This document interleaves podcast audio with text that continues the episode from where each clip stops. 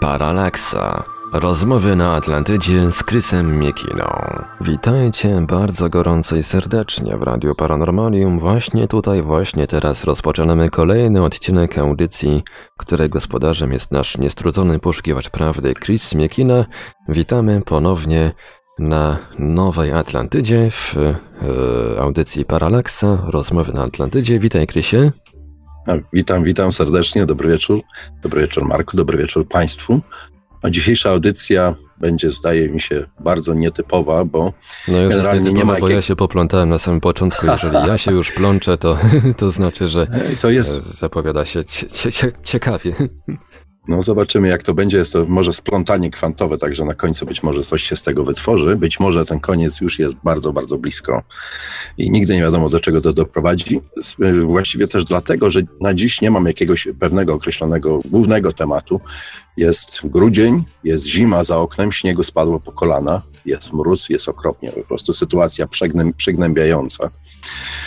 Jak się patrzy na tą biel i czerń, która wystaje z tego śniegu.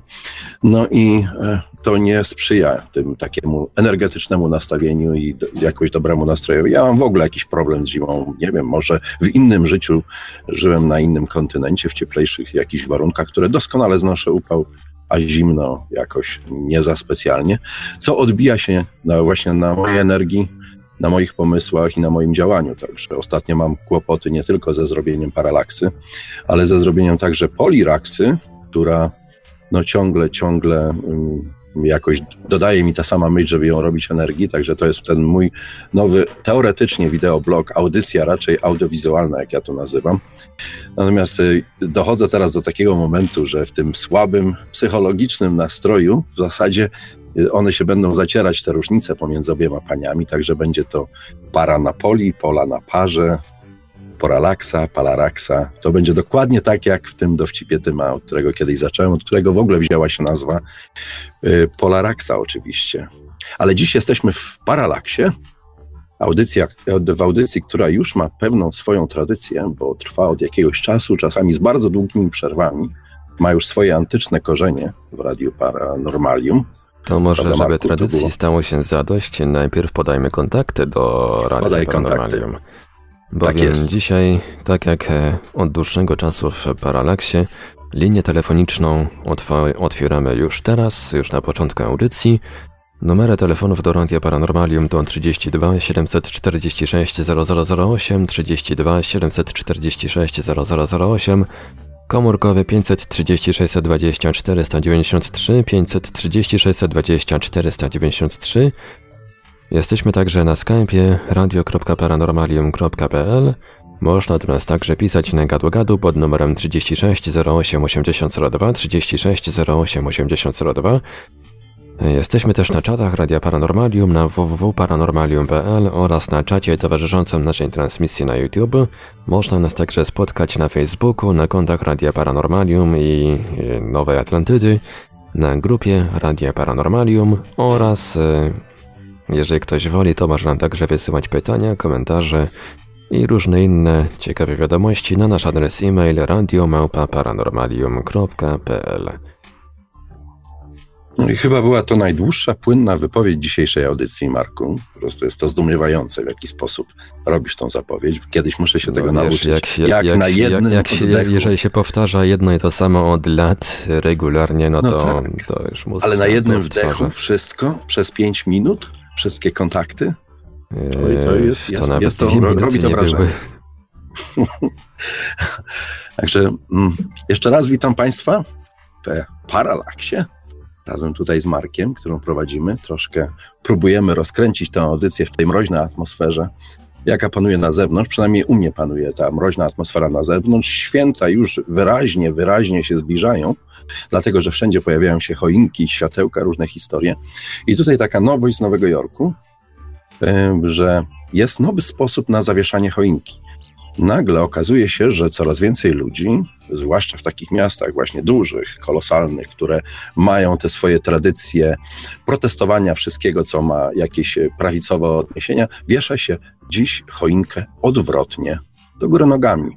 Jest to jeszcze nie do końca wyjaśniony symbol, ale ja powoli domyślam się, że jest to taki protest wobec tego, że obecny prezydent uznał, że jest absolutnie legalne powiedzieć wszystkim wesołych świąt Bożego Narodzenia, życzyć komuś świąt Boże, Boże, e, wesołych świąt Bożego Narodzenia, niezależnie od jego opcji religijnej czy politycznej i tak dalej. Prezydent Trump, którego nie myślcie, że ja tak strasznie popieram, że jestem jego zwolennikiem i mam w ogóle zrytą głowę tymi prawicowymi historiami, ale zrobił ciekawy wyłom w ostatniej modzie bożonarodzeniowej, gdzie nie można było mówić Wesołych Świąt Bożego Narodzenia. Dla nas, Polaków, kiedy mówimy sobie Wesołych Świąt, to Boże Narodzenie gdzieś jest oczywiście dodawane z tyłu w głowie. Jest to naturalny sposób spędzania świąt, ponieważ no, katolicyzm jest religią w Polsce dominującą, ma tradycję tysiącletnią, więc siłą rzeczy jest to święto w jakiś sposób, które ma swoje głębokie korzenie religijne. Natomiast Ameryka jest miejscem, gdzie tych religii jest bardzo, bardzo wiele. Jest wiele oczywiście chrześcijańskich odłamów religii, które obchodzą święta Bożego Narodzenia, ale z czasem, kiedy rządzili tacy prezydenci jak chociażby ten poprzedni Barack Obama, okazało się, że y, bardzo nie lubił, kiedy składano mu życzenia właśnie wesołych świąt, kiedy się mówi po angielsku Merry Christmas, czyli wesołych świąt Bożego Narodzenia. Bardzo tego nie lubił i wówczas poprawnością polityczną było składanie sobie życzeń świątecznych w stylu Happy Holiday, nie wiadomo jaki holiday, nie wiadomo jakie święto, po prostu święto takie, jakie komu odpowiada, czyli tam Kwanza, Hanuka, czy może jeszcze coś innego. Tych świąt jest, tych świąt jest wiele, ale prezydent Trump zmienił tą poprawność polityczną, głośno na którymś wiecu powiedział, że można sobie mówić Merry Christmas i ludzie zaczęli to sobie radośnie z powrotem mówić, bo już się nie obawiają, że są niepoprawni politycznie i dlatego w takich właśnie miastach jak Nowy Jork prawdopodobnie. To samo się wydarzy w Los Angeles, w Chicago i w innych tych molochach wielkich miejskich, które zazwyczaj stoją po lewej stronie strony politycznej. No wieszać będą choinki odwrotnie jako taki dziwny protest. Coraz częściej ja się sam gubię w tych protestach, przeciwko czemu ludzie protestują, co im się nie podoba i co im tak strasznie przeszkadza w tym wszystkim. Tak jak na przykład ostatnia historia i awantura, kiedy w takim tradycyjnym momencie, kiedy na przykład rozpoczyna się mecz baseballa czy amerykańskiego futbolu, zazwyczaj tradycyjnie przed meczem gra się hymn narodowy. No i wówczas oczywiście wszyscy e, stoją troszeczkę bardziej poważnie, niektórzy trzymają się za serce i, i przez to w jakiś sposób oddają no, taki symboliczny hołd temu, temu hymnowi. Gdy ostatnio część zawodników zaczęła klękać i nagle okazało się, że to klęczenie jest pewnym objawem politycznego protestu i to też wywołało wielkie zamieszanie. Bardzo trudno sobie y, wyobrazić, na czym ten protest miałby polegać, dlaczego klękanie i w jaki sposób jest to oprotestowane, ale wywołało to dużą burzę w szklance wody, co pokazuje, że te wszystkie manipulacje, jakie zachodzą w ludzkiej świadomości, to, e, to kontrolowanie umysłu, o którym co jakiś czas y, mówię, poprzez właśnie media, poprzez różne hasła, które wywołują pewne reakcje, no w jaki sposób to działa i to mocno działa na ludzi i wywołuje te burzliwe dyskusje. Strasznie skłóca ludzi ze sobą, że zaczynają się kłócić o rzeczy, które są takiej kłótni kompletnie niewarte. Polaryzuje te społeczeństwa ze sobą, no i myślę, że no, kiedy, kiedy popatrzeć w przyszłość, nie wygląda ona z tego względu optymistycznie, bo, bo będziemy się co kłócić na każdym kroku, lada chwila o, o drobiazgi, że ktoś ma zawieszoną choinkę do góry nogami, a ktoś we właściwy sposób. Jest to okropna sytuacja. Mówię o tym dlatego, że kiedy rozmawiam y, z wami, którzy, z, z, tymi, którzy mieszkają w Polsce, mówią o tym, że w Polsce też do tych kłótni dochodzi pod różnym pozorem i często też o kompletne bzdury. Także ktoś chce skłócić ludzi ze sobą, zająć ich łapaniem się za łby i potrząsaniem sobą nawzajem, a gdzieś nad nami wszystkimi no, ktoś zmienia świat y, na kompletnie inny świat. I kiedy się obudzimy, no, możemy się obudzić może z ręką w nocniku. Często tak było w historii, dlatego obawiam się tego również teraz. Dlatego ja nie będę dzisiaj protestował przeciwko choinkom odwróconym do góry nogami, ale moja choinka będzie taki sposób postawiona, jak zawsze była w naszej tradycji, czyli no, tym czubkiem i szpicem, czy nawet gwiazdą, a tym ktoś powie masońską gwiazdą na szczycie. Taka będzie ta choinka, ale tu też trzeba dodać, że a propos tych wszystkich odwróconych choinek, tak naprawdę ta pierwsza choinka, e, która była jeszcze wieszana w czasach pogańskich, bo przecież choinka to jest relikt z czasów pogańskich, który został zaadoptowany do religii chrześcijańskiej, no była przynajmniej na terenach słowiańskich właśnie wieszana pod sufitem do góry nogami. Na tych gałęziach tej, tej choiny wieszano różne ozdoby, przysmaki ewentualnie. Miało to magiczne znaczenie. Także czasami zatacza się koło, czasami okazuje się, że taki protest jak ten w Nowym Jorku jest będący kompletnym jakimś nieporozumieniem. Jednocześnie jakoś sięga do tradycji, niechcący, pewnie nie chce bardzo sięgać do takiej tradycji, ale jednocześnie uważa, że odwracając coś do góry nogami, no po prostu pokazuje w ten sposób bohaterski protest i, i sprzeciw przeciwko czemuś, co się, co się dzieje, żeby już nikomu więcej nie mówić Wesołych Świąt Bożego Narodzenia, tylko operować jakimiś słowami, wytrychami. No ale zostawmy już ten temat, bo on nie jest istotny aż tak bardzo w dzisiejszej audycji, chociaż on pokazuje ten puls życia, świat, w którym żyjemy i, i te zmiany, którym, no, które wydarzają się na naszych oczach, zmieniając ten świat w zasadzie nie do poznania. To, to jest tak, jak ja patrzę z perspektywy tych moich e, paru dziesięciu lat, jakie już przeżyłem, że ten świat, w którym się wychowywałem i urodziłem, nie ma w zasadzie już nic wspólnego e, z, z tym, którym ja żyję. Kiedy opowiadam swojej córce o różnych historiach i rzeczach, które wydarzyły się w Polsce lat 70., 80., a nawet 90., czasami, czasami patrzy na mnie dziwnie, jakbym, jakby uważając, że coś tam jej zmyślam Dochodzi nawet do takiej sytuacji kosmicznej wręcz, że, że kiedy na przykład próbujemy razem oglądać taki starożytny serial Zmiennicy, na przykład, albo y, alter, serial alter, Alternatywy 4. Okazuje się, że to nowe pokolenie o kompletnie nic nie śmieszy w tym filmie. Uważają, że film jest głupi i że, i że jest nieśmieszny i w ogóle jakieś, to jest jakiś, jakiś absurd, który tam się dzieje z tymczasem. To był realny świat, w którym wtedy wówczas żyliśmy.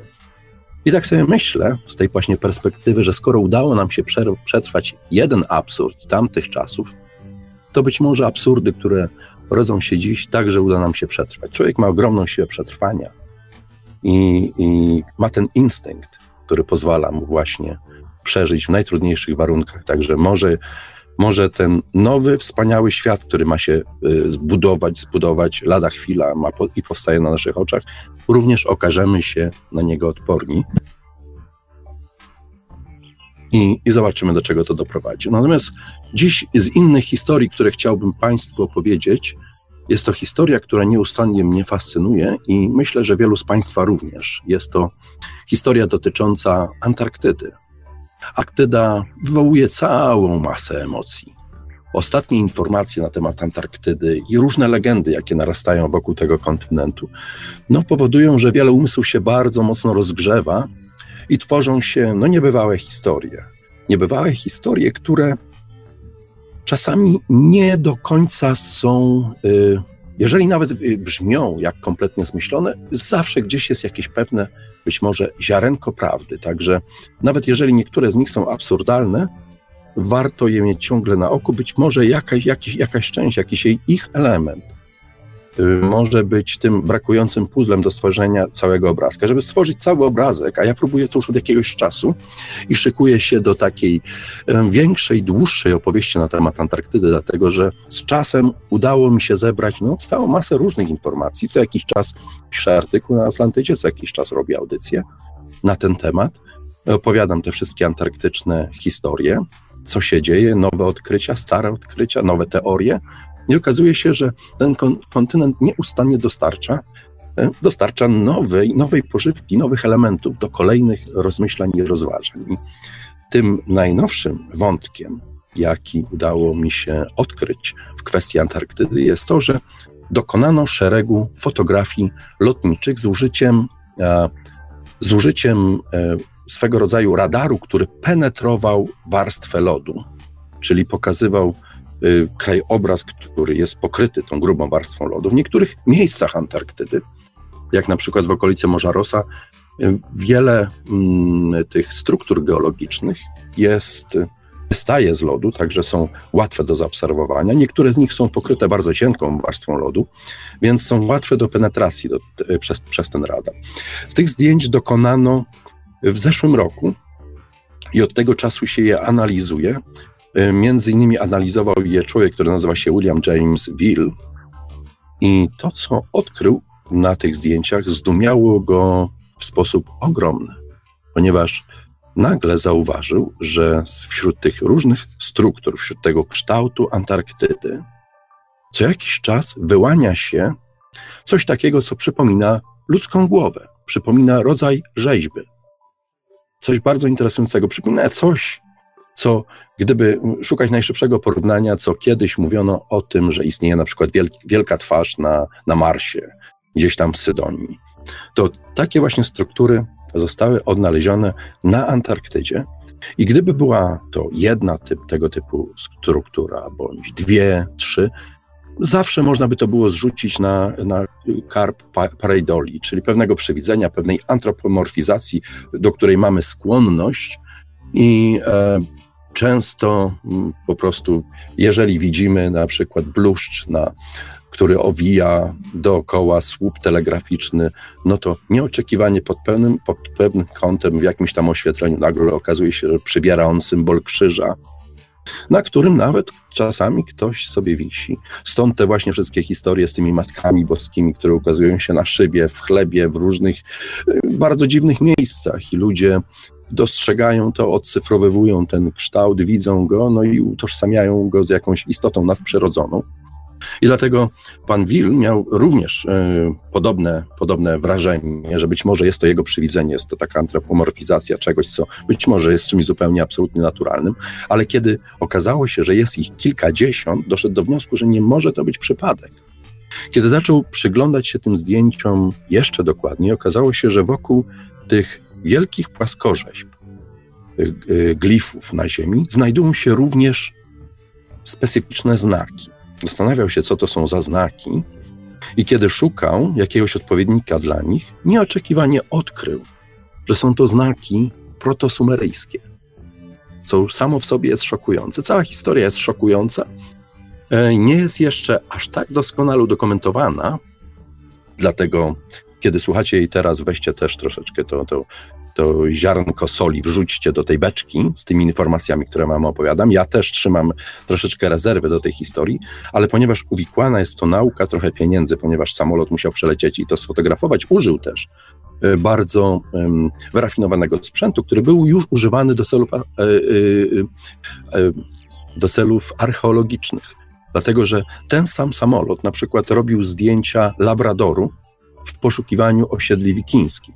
My ciągle mamy tą kontrowersję, oczywiście coraz słabszą, że kto odkrył pierwszy Amerykę, że Kolumb nie był pierwszy, że chociażby wikingowie odkrywali Amerykę, dopływali do Ameryki wielokrotnie i to przez kilkaset lat i nawet osiedlali się w Ameryce, więc nie ma mowy o tym, żeby, ażeby to był Kolumb i być może wypada to w końcu zmienić w historii. I ma to też swoje oczywiście konsekwencje inne, bo również i, i polityczne, i socjalne, i i kto wie, jakie jeszcze. To taka mała dygresja, jak zwykle kocham się w tych dygresjach i wpadam nieustanne dygresje. Kiedy opowiadałem o tej choince do nogami w Nowym Jorku, że to taka nowa forma protestu, trudno wyczuć, dlaczego aż to, ma to być, przeciwko czemu ma, ma to być, być protest, bo ja nie widzę nic złego w tego typu świętach, które trwają już od no, dobrych dwóch tysięcy lat, prawda? Święta Bożego Narodzenia i ta tradycja no, bardzo mocno się utrwaliła i nieważne, czy ktoś jest wierzący, czy nie. Dla mnie jest to bardzo rzeczywiście wesołe i przyjemne święto, zwłaszcza, że akurat to jest dygresja, uważajcie, bo to jest dygresja w dygresji. Zwłaszcza, że akurat wypada w czas e, przesilenia zimowego, więc bardzo magiczny moment, kiedy świat odradza się na nowo, kiedy, kiedy zamyka się, zamykają się te wrota do tego innego wymiaru, z którego przychodzą demony, a to zaczyna się w czasie Halloween, wówczas właśnie w czasie przesilenia te wrota się zamykają i już wtedy jest lepiej. Ta ciemność, która otacza Ziemię, zaczyna nie, y, żednąć, zaczyna pojawiać się ta nadzieja na to, że będzie, będzie lepiej, no i oczywiście lepiej jest wraz z wiosną. W końcu musi być lepiej, dzień się wydłuża i, i wszystko jest jakby optymistyczne, bardziej optymistyczne. Także ciągle dziś jeszcze jesteśmy w tym, w tym czarnym, nieprzyjemnym regionie. Może, może to także jaki ma jakiś wpływ na mnie, że tej energii za dużo w sobie nie mam, i bardzo ciężko mi się jest do czegoś zmusić. Zajmuje mi to ogromnie dużo czasu, co jest okropnie irytujące, że jeżeli coś zajmuje dużo czasu, na przykład zajmuje dużo czasu przeczytanie książki, czy zajmuje czas, dużo czasu chociażby zrobienie odpowiednich zakupów, na przykład po to, żeby upiec placek z dyni, a, dobry pomysł. A, ale wracając do tej mojej dygresji, bożonarodzeniowej i do Kolumba, no to ta, ta, ta moda na odwrotną choinkę ma jeszcze swoje in, swój inny wyznacznik, bo jest duża kontrowersja wokół pomnika Kolumba. W Nowym Jorku jest pomnik Kolumba na, w miejscu, które nazywa się Columbus Circle. Jest to miejsce bardzo prominentne na Manhattanie bo jest to miejsce, które łączy ze sobą z jednej strony Broadway, z drugiej strony Central Park, niedaleko jest Plaza Hotel, który znacie pewnie z filmu Kevin sam w domu. Tak przynajmniej podejrzewam, być może niektórzy nawet mieszkali w takim hotelu, no mnie prawdopodobnie raczej na pewno nie stać na to, żeby zamieszkać na tym, w takim hotelu. E, a propos w tym hotelu, kiedy e, Kevin sam został w domu i ten film był e, tam kręcony, w tym hotelu pojawia się w przejściu, w pewnym momencie tego filmu, pojawia się pewna postać. W filmie nazywa się to najczęściej takie postacie, które pojawiają się i znikają, takie cameo, czyli w zasadzie postać, która nie ma żadnego znaczenia dla akcji filmu. I dzisiaj kolejna dygresja w dygresji. To jest okropne. Spróbuję to poprawić. A pojawia się pewna osoba o bardzo charakterystycznym wyglądzie i tą osobą jest właśnie Donald Trump, który zamienia kilka słów nie, nieważnych dla całości filmu z Kevinem. Także w tym miejscu jest właśnie ten Plaza Hotel. Bardzo w niewielkiej odległości od tego jest oczywiście Trump Tower, jego główna siedziba w Nowym Jorku, obecnego prezydenta. Jest kilka innych ważnych miejsc. Jest na przykład Muzeum Historii Naturalnej, z tym wszystkim bogactwem nieprawdopodobnych eksponatów, jakie ma w swoich zasobach. Także miejsce jest magiczne i w samym centrum tego Columbus Circle stoi gigantyczna wieża, na której stoi Kolumb i patrzy sobie na ten Nowy Jork. Jest to taki, e, jak tam mówią Amerykanie, landmark, czyli bardzo ważny element, który wrósł już mocno w ten, ten nowojorski krajobraz. I tej chwili mnóstwo energii przeznacza się na to, żeby ten pomnik Kolumba obalić, żeby go po prostu zniszczyć, ponieważ on uwłacza ludzkości, ponieważ Kolumb oznacza śmierć Indian, zniszczenie kultury i wiele innych, e, wiele innych rzeczy. Także żyjemy w takich właśnie czasach, kiedy próbuje się na siłę zmieniać historię. W Nowym Jorku próbuje obalić się pomnik Kolumba. W południowych Stanach obala się pomniki bohaterów wojny secesyjnej. Tak jakby kompletnie chcąc wymazać historię amerykańskiego południa, mimo że oczywiście nie ma ona swoich zbyt, zbyt wiele swoich takich dobrych elementów, ale jest to część historii. Jakakolwiek ta historia by nie była, zawsze płynie z niej jakaś nauka, jest częścią nas i powinna w jakiś sposób być e, zabezpieczona. Tymczasem chce się kompletnie wymazać, chce się wymazać e, pomnik Kolumba, ale o czym to ja mówiłem właśnie. I teraz takich dygresji podwójnych i potrójnych bardzo trudno jest wrócić, wracamy do, do Antarktydy, także podróż bardzo daleka, już wiem, e, opowiadałem o Nowej Fundlandii, o samolocie, który fotografował miejsca archeologiczne, gdzie ewentualnie podejrzewano, że wikingowie mogli mieć swoje osiedla, także ten cały sprzęt był sprawdzony już i wykalibrowany do prowadzenia tego typu fotografii. Dlatego postanowiono użyć go do zbadania Antarktydy. Jest to niezwykle rzadki przypadek, bo Antarktyda y, i dostęp do niej jest bardzo utrudniony. Jest nie tylko ciężko zdobyć pozwolenie na, na przeloty nad tym kontynentem, w ogóle bardzo trudno jest się tam dostać. I mimo, że nie należy do żadnego kraju, w ogóle to wszystko wygląda na jakiś rodzaj wręcz, wręcz można powiedzieć, wręcz spisku, który no, stwarza ten dostęp bardzo, bardzo utrudniony. Można pojechać oczywiście turystycznie, ale pochodzić po brzegu, pomachać pingwinom co najwyżej. Żeby zostać dłużej, można dzięki znajomościom ewentualnie zostać w polskiej stacji badawczej, jeżeli ma się parę dobrych układów, o co jest troszkę łatwiej, ale już takiej stacji McMurdo bardzo trudno się zatrzymać, mimo że generalnie jest to, można powiedzieć, miasto na Antarktydzie, które momentalnie, y, moment, które od czasu do czasu, to chciałem powiedzieć, mieści sobie 30 tysięcy ludzi. Miałem kiedyś taką fantazję, żeby zdobyć pracę w McMunro i, no i przyjrzeć się temu wszystkiemu z bliska, co tam, tam, tam się dzieje. No ale okazało się, że no też i pracę jest niełatwo zdobyć. Najwyżej można zdobyć w serwisie żywieniowym i trzeba było złożyć bardzo długą aplikację, żeby zostać do takiej pracy przyjętej. Także ta fantazja mi przeszła. Tak jak e, to, to, co chcę powiedzieć, to chcę powiedzieć, że dostęp do Antarktydy jest bardzo utrudniony i dlatego ten przelot tego samolotu, który mógł fotografować pewną część wybrzeża Antarktydy, jest czymś w sumie unikalnym. I sam fakt, że te zdjęcia, był do nich dostęp i pewni ludzie mogli je analizować, również jest czymś absolutnie niezwykłym. No i na, na dodatek okazało się, że odnaleziono te dziwne, bardzo dziwne postaci i te napisy, które sugerują, e, sugerują Sumeryjczyków, co samo w sobie już w ogóle wręcz rozwala głowę, co to może być, z czym to może być związane. Jakby tego było mało, jakby tego było mało, okazało się, że w Australii osunął się jakiś klif. I z tego klifu wyłoniła się skała, gdzie były napisy, które przypominały taką mieszankę napisów sumeryjskich z napisami tamilskimi. Także Tamilowie żyją y, na Sri Lance, w jej południowej części. Północną zajmują Syngalezi. I znów, i znów zastanawiające jest to, w jaki sposób ktoś mógł dotrzeć bardzo, bardzo dawno temu przez Ocean Indyjski do tego y, miejsca w Australii. Przecież Australia była nieznana. Kiedy jeszcze dołożymy do tego te wszystkie mapy, które od czasu do czasu pojawiają się, pokazujące i pokazują one na przykład zarys Antarktydy w czasach, kiedy nie mogła być ona znana. Nie było nawet technologii, żeby tam dopłynąć, a co dopiero zbadać to wszystko geograficznie. Na dodatek niektóre z tych map pokazują Antarktydę jako sam ląd, niepokryty lodem. I to oczywiście dodaje zamieszania do tego myślenia.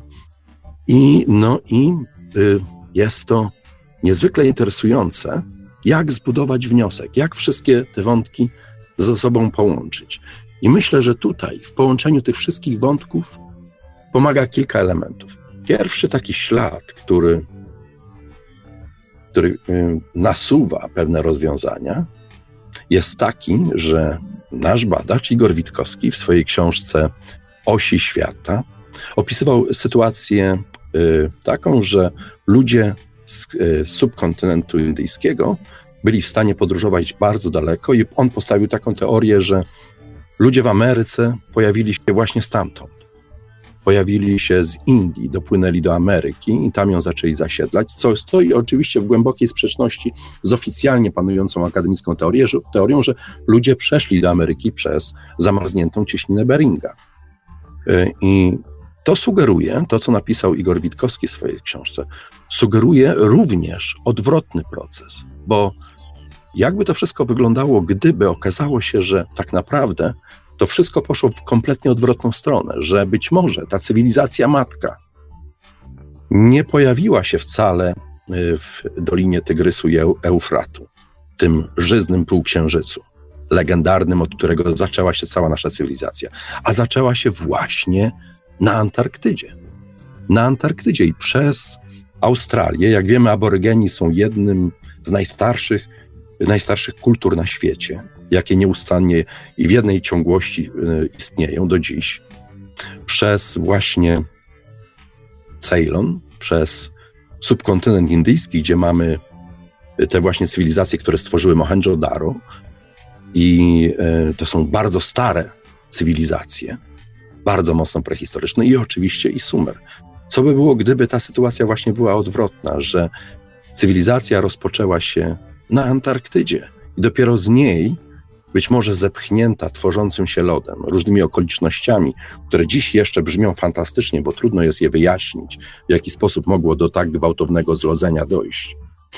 Y, musiały właśnie zmienić swoje miejsce swojego funkcjonowania, ale być może przez jakiś czas istniały właśnie na tym antarktycznym kontynencie. I następna sugestia, która podpowiada, że może coś w tym jest, jest znów powrót do tych dwóch wypraw, które są osnute legendą. Pierwsza z nich to oczywiście wyprawa Niemców, druga, która wyglądała jak wręcz follow-up, to była wyprawa admirała Byrda, który popłynął dokładnie w to samo miejsce co Niemcy. I co Niemcy zrobili? Co jest jedną takim, takim charakterystycznym elementem tej niemieckiej wyprawy? Jest to to, że Niemcy wykorzystali swoje samoloty do tego, ażeby robiły zdjęcia. My oczywiście y, najbardziej nam działa na wyobraźnię to, że Niemcy zrzucali te swoje chorągiewki ze swastykami i zajmowali teren. Ale oni robili zdjęcia. I teraz zachodzi możliwość taka, że być może właśnie na tych zdjęciach coś zauważono. Jak wiadomo, całą tą ekspedycję rozpoczęło towarzystwo Thule Gesellschaft, czyli to, to stowarzyszenie, bardzo dziwne stowarzyszenie, które szukało korzeni ludzkości. To jest to stowarzyszenie, które grupowało w sobie na przykład tych wszystkich zaawansowanych e, archeologów, profesorów historii, którzy intensywnie kopali właśnie w Sumerze. To być może sprawia także, e, że te wszystkie tabliczki z pismem klinowym są, mają tak niezwykłą wartość, że gdziekolwiek się pojawiają, natychmiast, jeżeli pojawiają się w jakichś niezależnych rękach, natychmiast pojawia się lament, że zostały skradzione i komuś się trzeba natychmiast oddać, po czym te tabliczki znikają. Te tabliczki też osiągają olbrzymie ceny na czarnym rynku, nawet jeśli zawierają tylko rachunki handlowe. Są skupowane, bo ktoś poszukuje informacji i być może te informacje, które są tak nam mocno reglamentowane, to są właśnie informacje, że cała ta cywilizacja sumeryjska skądś przybyła. Nie przybyła z kosmosu, a przybyła być może z Antarktydy. Być może stamtąd wiedzie droga, co jest czymś, co kompletnie rozwala naszą ludzką historię. Bo spójrzmy, co się dzieje, kiedy Sumer pojawia się na mapie świata, kiedy pojawia się cywilizacja sumeryjska. To, co jest najbardziej zdumiewające, to, to jest fakt, że nagle z ludzi, którzy teoretycznie powinni być e, e, takimi zbieraczami i myśliwymi, którzy wędrują sobie, nie są w stanie zbudować nic e, sensownego, co by było trwałe, nie są w stanie, w stanie zbudować społeczeństwa o jakimś większym zasięgu niż kilkadziesiąt osób, które nie są w stanie wyjść poza wspólnotę plemienną, nagle w zasadzie, jak za dotknięciem czarodziejskiej różdżki, budują miasta, budują rolnictwo, budują prawo, budują całą infrastrukturę dookoła tych miast, co dokładnie widać, kiedy odkopuje się dziś na przykład kulturę Harappa, kiedy okazuje się, że te miasta miały i, i wodociągi, i kanały, i y, całe te ulice były zaplanowane z góry. Nie były budowane chaotycznie. Jest to zdumiewające. Skąd ci ludzie nagle wpadli na tak genialny pomysł, że z kamienia gładzonego przeskoczyli do czegoś, co było wręcz jak y, lot w kosmos dzisiaj do kompletnie innego myślenia na temat świata, budowy społecznej i być może właśnie wytłumaczeniem byłoby to, że, że ci ludzie i ta ich kultura i cywilizacja wykształciła się, miała miejsce, gdzie wykształciła się wcześniej, i być może tym miejscem była właśnie Antarktyda. I to byłby nieprawdopodobny przełom, a także to byłoby coś, co tłumaczy, dlaczego taka tajemnica jest, y, to, taką tajemnicą jest otaczana Antarktyda. Dlaczego tak reglamentuje się informacje na temat Antarktydy? To by także tłumaczyło wiele różnych tajemniczych y, zdarzeń, które wydarzyły się na przykład po tej niemieckiej y, wyprawie, kiedy okazało się, że wszystkie dokumenty z niej kompletnie utajniono. Kompletnie utajniono, bo podejrzewano, że będzie wywoła to gigantyczną rewolucję całej, na, w całej naszej wiedzy na temat naszej przeszłości i oczywiście ustawi ją dokładnie na głowie, gdyby coś takiego wyszło. Ja przynajmniej to sobie tak tłumaczę. Ja zdaję sobie sprawę, że jest to w pewnym sensie teoria mocnej spekulacji, ale myślę, że ym, coś takiego jest warte, warte tej spekulacji, bo co się stało dalej z wyprawą admirała Berda? Jak wiemy, admirał Berd nic nie powiedział na ten temat. Co on tam zobaczył, co, co się tam wydarzyło, do czego doszło na Antarktydzie, czy coś zostało odkryte, jak wiemy, miał nawet lotniskowiec, czyli przez jakiś czas, przez przynajmniej dwa czy trzy tygodnie prowadzono y, dokładny rekonesans lotniczy, robiono masę, masę zdjęć. Nikt nigdy tych zdjęć nie zobaczył, jakie zrobił admirał Bert. I admirał Bert miał już opublikować raport właśnie z tej swojej wyprawy do Antarktydy. I wydarzył się dziwny przypadek w jego życiu. Jego syn miał rodzaj, miał mieć przemówienie, bodajże w siedzibie National Geographic, muszę jeszcze dokładnie to sprawdzić, a na, dokładnie na dzień przed, przed publikacją tej, tego raportu admirała Berda po prostu zginął w wypadku samochodowym, nieszczęśliwym wypadku. I tu oczywiście zapala się czerwona lampka konspiracji, czy oby na pewno był to nieszczęśliwy wypadek, czy była to taka brutalna depesza do admirała Berda, żeby jeszcze raz zastanowił się, czy chce opowiedzieć swoją historię. I admirał Bert nie opowiedział już swojej historii, nigdy więcej. Za to powstało kilka tak zwanych pamiętników admirała Berda, które uważam, że są właśnie takimi fałszywymi tropami, które mają kompletnie zepchnąć e, myślenie o Antarktydzie na boczny tor. I to, że to, co odkryto na Antarktydzie, jest tak niezwykle ważne, to świadczy jeszcze jeden fakt. Jest to historia, która rzadko jest um, do, dokładana do, do tych wszystkich um, niezwykłych um, wydarzeń związanych z Antarktydą. Jest to historia Rudolfa Hessa. Rudolf Hess był jednym z organizatorów tej wyprawy w latach 38-39 na Antarktydę. Jak wiemy z historii, Rudolf Hess wybrał w pewnym momencie taką bardzo dziwną rzecz do zrobienia. Po prostu wsiadł w samolot, poleciał do Anglii, wylądował gdzieś w Anglii na polu, na spadochronie ten samolot rozbił, został wzięty do niewoli. Podobno mówi się o tym, że chciał negocjować pokój pomiędzy Niemcami a Brytyjczykami, albo chciał um, po prostu stworzyć y, sytuację polityczną, gdzie y, Anglicy ogłosiliby swoją neutralność i rzucili, zostawili Europę na pastwę nazistów, ale są to wszystko takie spekulacje historyczne, które same w sobie brzmią nieprawdopodobnie, bo jeżeli chce się politycznych jakichś układów, no to nie robi się to w ten sposób, że się y, leci samolotem i skacze się na terytorium wroga, a jest się przecież takim wiceführerem, jedną z najważniejszych osób w państwie, być może w ogóle najważniejszą osobą w państwie, bo Rudol historia Rudolfa Hessa jest niezwykle interesująca. Jest to człowiek, który jest, był, bo już nie żyje, po prostu ludzie tyle nie żyją, więc można podejrzewać, że już teraz z pewnością nie żyje, był uwikłany w ogromną ilość y, tych tajnych stowarzyszeń. Tajnych stowarzyszeń, które bardzo mocno przyczyniły się do y, wzmocnienia partii nazistowskiej, do wywyższenia, do postawienia Hitlera w tym miejscu, w którym on się później znalazł. Rudolf Hess siedział z Hitlerem w więzieniu i dziś wielu historyków podejrzewa nawet, że taki kapral jak Hitler z pewnością nie miał na tyle wiedzy, ani fantazji, ani umiejętności, żeby móc napisać tą swoją książkę Mein Kampf, że po prostu w więzieniu za niego napisał to Rudolf Hess. Także to był tak bardzo ważny, istotny człowiek dla całej sprawy. I teraz Hess, będąc jednocześnie y, szefem tej, te, tego stowarzyszenia Thule Gesellschaft, z pewnością miał ogromną wiedzę na ten temat. I kto wie, być może y, ta jego wiedza na temat ludzkich korzeni, na temat tego, jaki jest nasz początek, sprawiła, że był do końca swojego życia tak bardzo izolowany, do tego stopnia, że więzienie w Szpandał, potężne więzienie, istniało tylko dlatego, miało zostać zburzone, ale istniało tylko dlatego, że on był tam jedynym więźniem do końca swojego życia. Oczywiście istnieją teorie, że Hess żył sobie szczęśliwie w zupełnie innym miejscu, a w więzieniu siedział jego dubler, ale to są zupełnie inne historie, co wskazuje, że osoba Hessa uwikłana w Antarktydę bardzo mocno, ma tu również swoje znaczenie.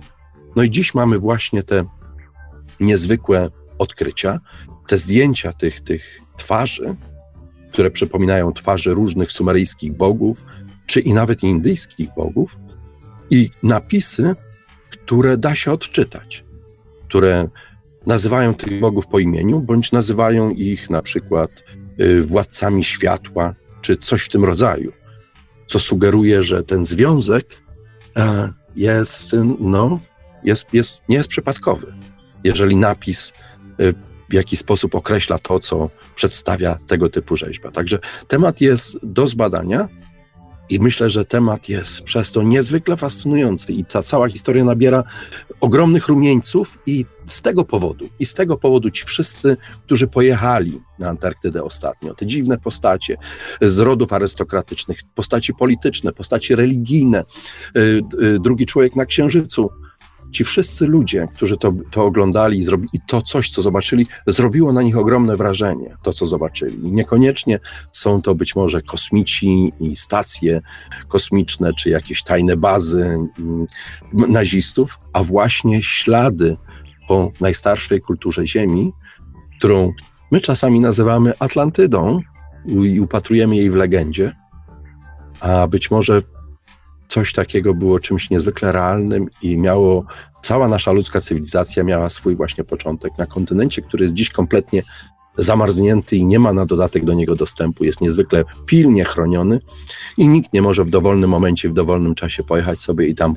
robić swoich własnych poszukiwań. Także od czasu do czasu wpadają takie strzępy informacji, dlatego znów jest to kolejny odcinek, kolejna instalacja antarktyckiej przygody, i z pewnością będzie ona kontynuowana, a ja dopisuję ją do szeregu tych wszystkich e, informacji, które udało mi się do tej pory zdobyć i i mam nadzieję, że w przyszłym roku uda mi się wyprodukować coś poważniejszego na ten temat. Coś, co spróbuje zebrać to wszystko w jedną całość i spróbuje, spróbuje dostarczyć jakichś pewnych określonych wniosków, które mieszczą się w granicach rozsądku. Bo o ile można oczywiście pofantazjować na wiele tematów, myślę, że rozsądek jest tutaj bardzo ważnym narzędziem. Także taką, taką historię tutaj Państwu chciałem opowiedzieć o Sumeryjczykach, którzy być może pojawili się mm, na Bliskim, a raczej na Środkowym Wschodzie, właśnie wprost z Antarktydy.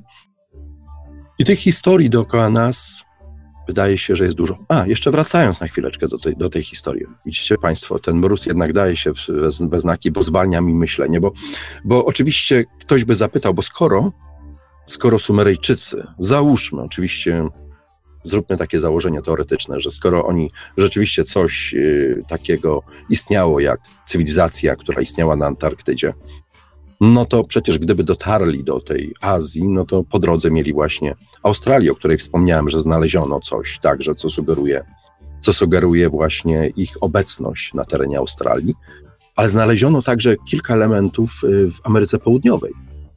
Jest na przykład Pokotia monolit w Boliwii, gdzie gdzie są napisy sumeryjskie na tym, na tym monolicie. I jest to kompletnie niewytłumaczalne. I następna rzecz to się nazywa Fuente Magna. Jest to misa, która jest całkowicie dookoła napisa- zapisana właśnie językiem protosumeryjskim. Wywołała ona kompletne kontrowersje. Wielu naukowców uznało ją, ją za fake, ale wszystkie badania, jakie przeprowadzono na nie, wskazują, że jest to oryginalna rzecz. Że, ta, że tą misę stworzono bardzo, bardzo dawno temu. Z tym językiem były kłopoty, podobnie jak z językiem, który tłumaczył Sitchin. Bo kiedy mówimy o tym, że jak tłumaczyć język sum sumeryjski? Język sumeryjski nie jest czymś, co przez tysiąc lat brzmiał i y, i wyglądał w taki sam sposób. Spójrzmy na, nas, na nasz własny język, jak on bardzo się zmienia, że nawet pokolenia, które mówiły po polsku 200 lat temu, dziś no, musiałyby się troszeczkę nagłowić, żeby zrozumieć na, nasz dzisiejszy współczesny język, często zasypany y, y, y, takimi makaronizmami z angielskiego pochodzenia, bo już w zasadzie w języku polskim używamy takich słów jak, jak fake, jak jak komputer, jak wiele innych takich elementów, które pochodzą z innego języka, które stały się częścią języka polskiego, co pokazuje, że język jest żywy i że niekoniecznie za każdym razem trzeba go tłumaczyć tak samo, ponieważ on podlega bardzo dynamicznym zmianom. Więc jeżeli cywilizacja sumeryjska trwa przez kilka tysięcy lat, siłą rzeczy ewoluował wraz z nią jej język. I język oddzielony, ten sam, jeden tekst oddzielony od siebie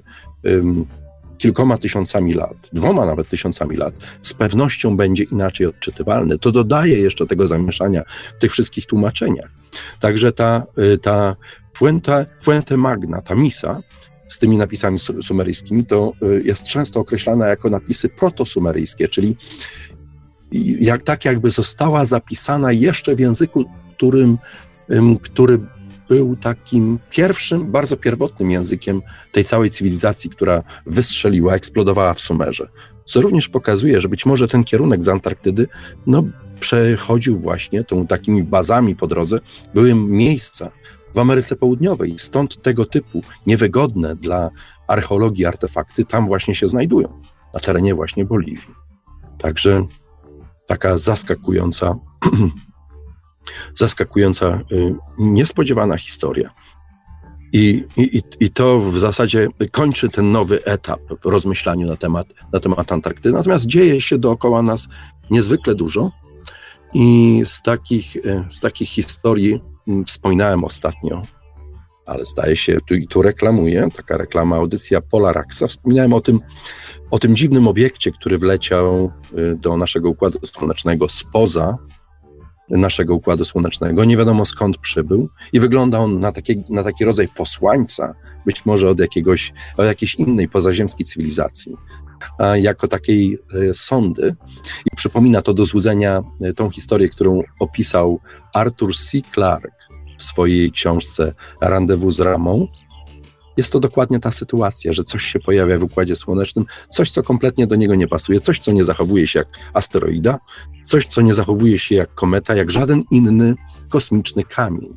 Wszyscy na to zwrócili uwagę. Astronomowie obserwują ten, ten dziwny element, który jeszcze ciągle mknie przez nas, nasz układ słoneczny. I oczywiście najgorsze jest to, że nie jesteśmy w stanie zrobić to, co zrobili bohaterowie książki y, Artura C. Clarka, czyli polecieć na ten kawałek skały, który krąży skały albo sondy kosmicznej, który krąży ciągle jeszcze w naszym układzie słonecznym, zanim poleci sobie gdzieś y, do kolejnej innej galaktyki, ciągle jest do osiągnięcia. My nie mamy takiej technologii, ale skoro y, ta audycja Paralaksa jest poświęcona najrozmaitszym spekulacjom i, i mam tą możliwość spekulować na te tematy, to mam na ten temat nową spekulację, o której jeszcze do tej pory nie mówiłem. Przyszedł mi ten pomysł zupełnie ostatnio. Mówiłem y, zupełnie niedawno o tym, że firma Northrop Grumman zamówiła sobie wysłanie satelity na przestrzeń kosmiczną i zostało to zamówione w firmie SpaceX. I wówczas kojarzyłem to, że być może chodzi tutaj raczej o satelitę wojskowego, który ewentualnie będzie kontrolował sytuację związaną z Koreą. Jak wiadomo, w Korei Północnej, między Koreą Północną a Ameryką nie jest za dobrze.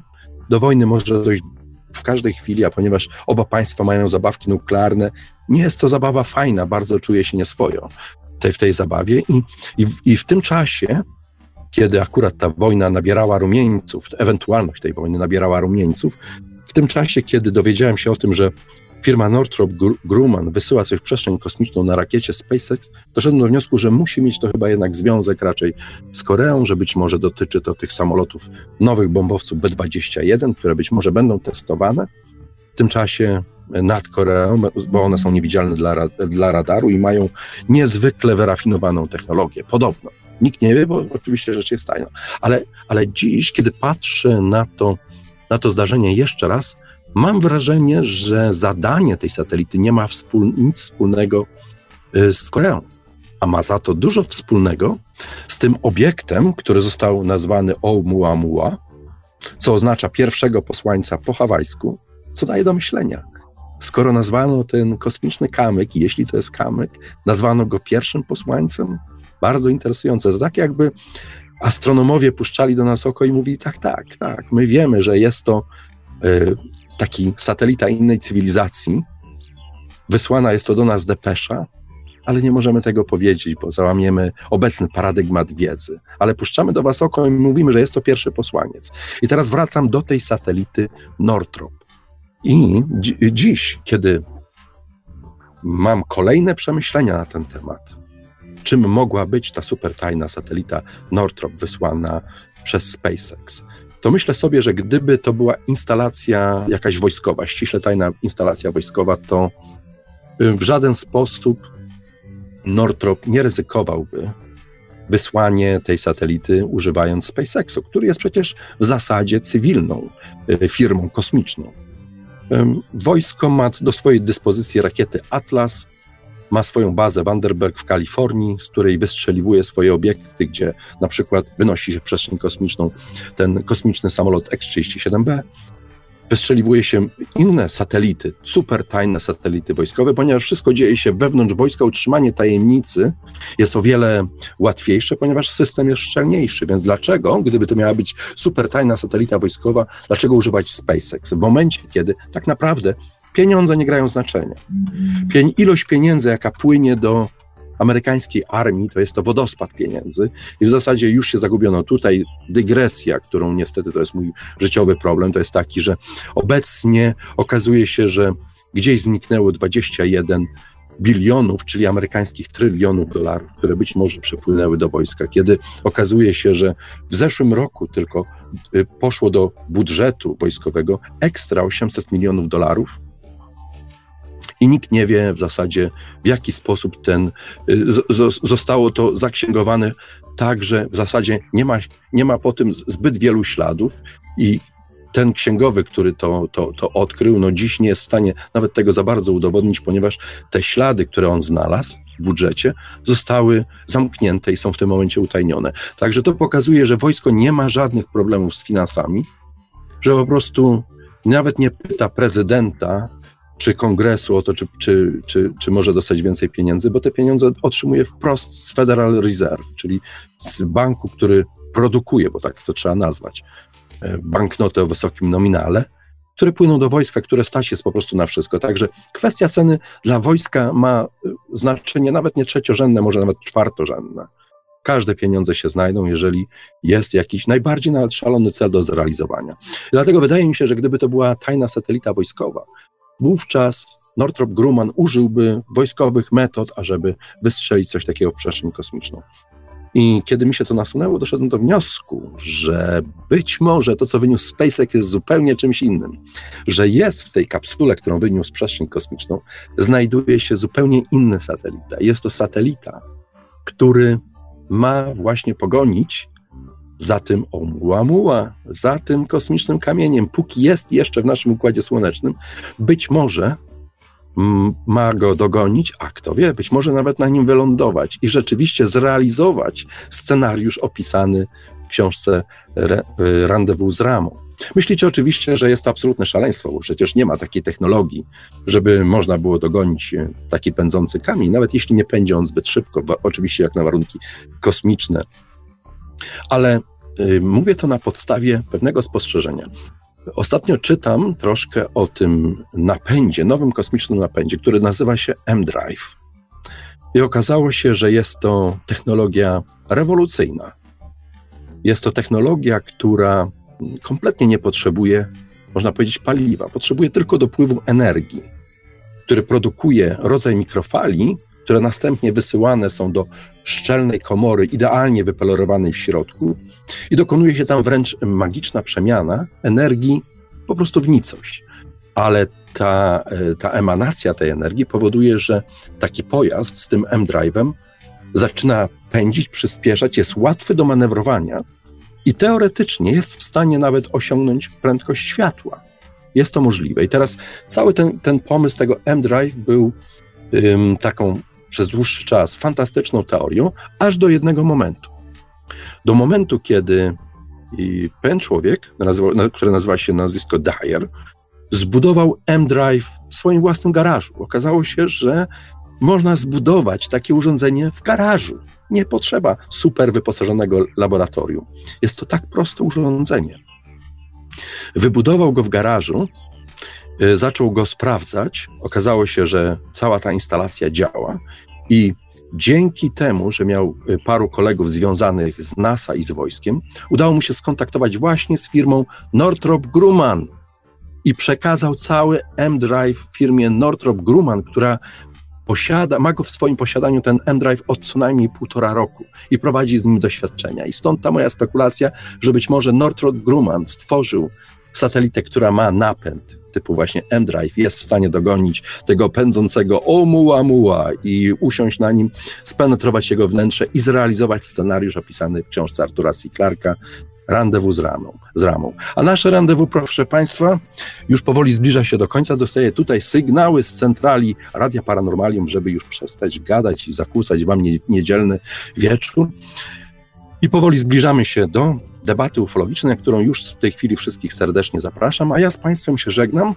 Jeszcze wesołych świąt nie życzę. Mam nadzieję, że spotkamy się ciągle jeszcze przed świętami. Jest ciągle jeszcze mnóstwo pomysłów, mnóstwo historii, o których chciałbym Państwu powiedzieć, zwłaszcza o różnych technologiach, które mnie obecnie interesują, które podobnie jak M-Drive są do zrealizowania w garażu, w piwnicy albo w bunkrze, takim jak mój, z którego dzisiaj nadaję.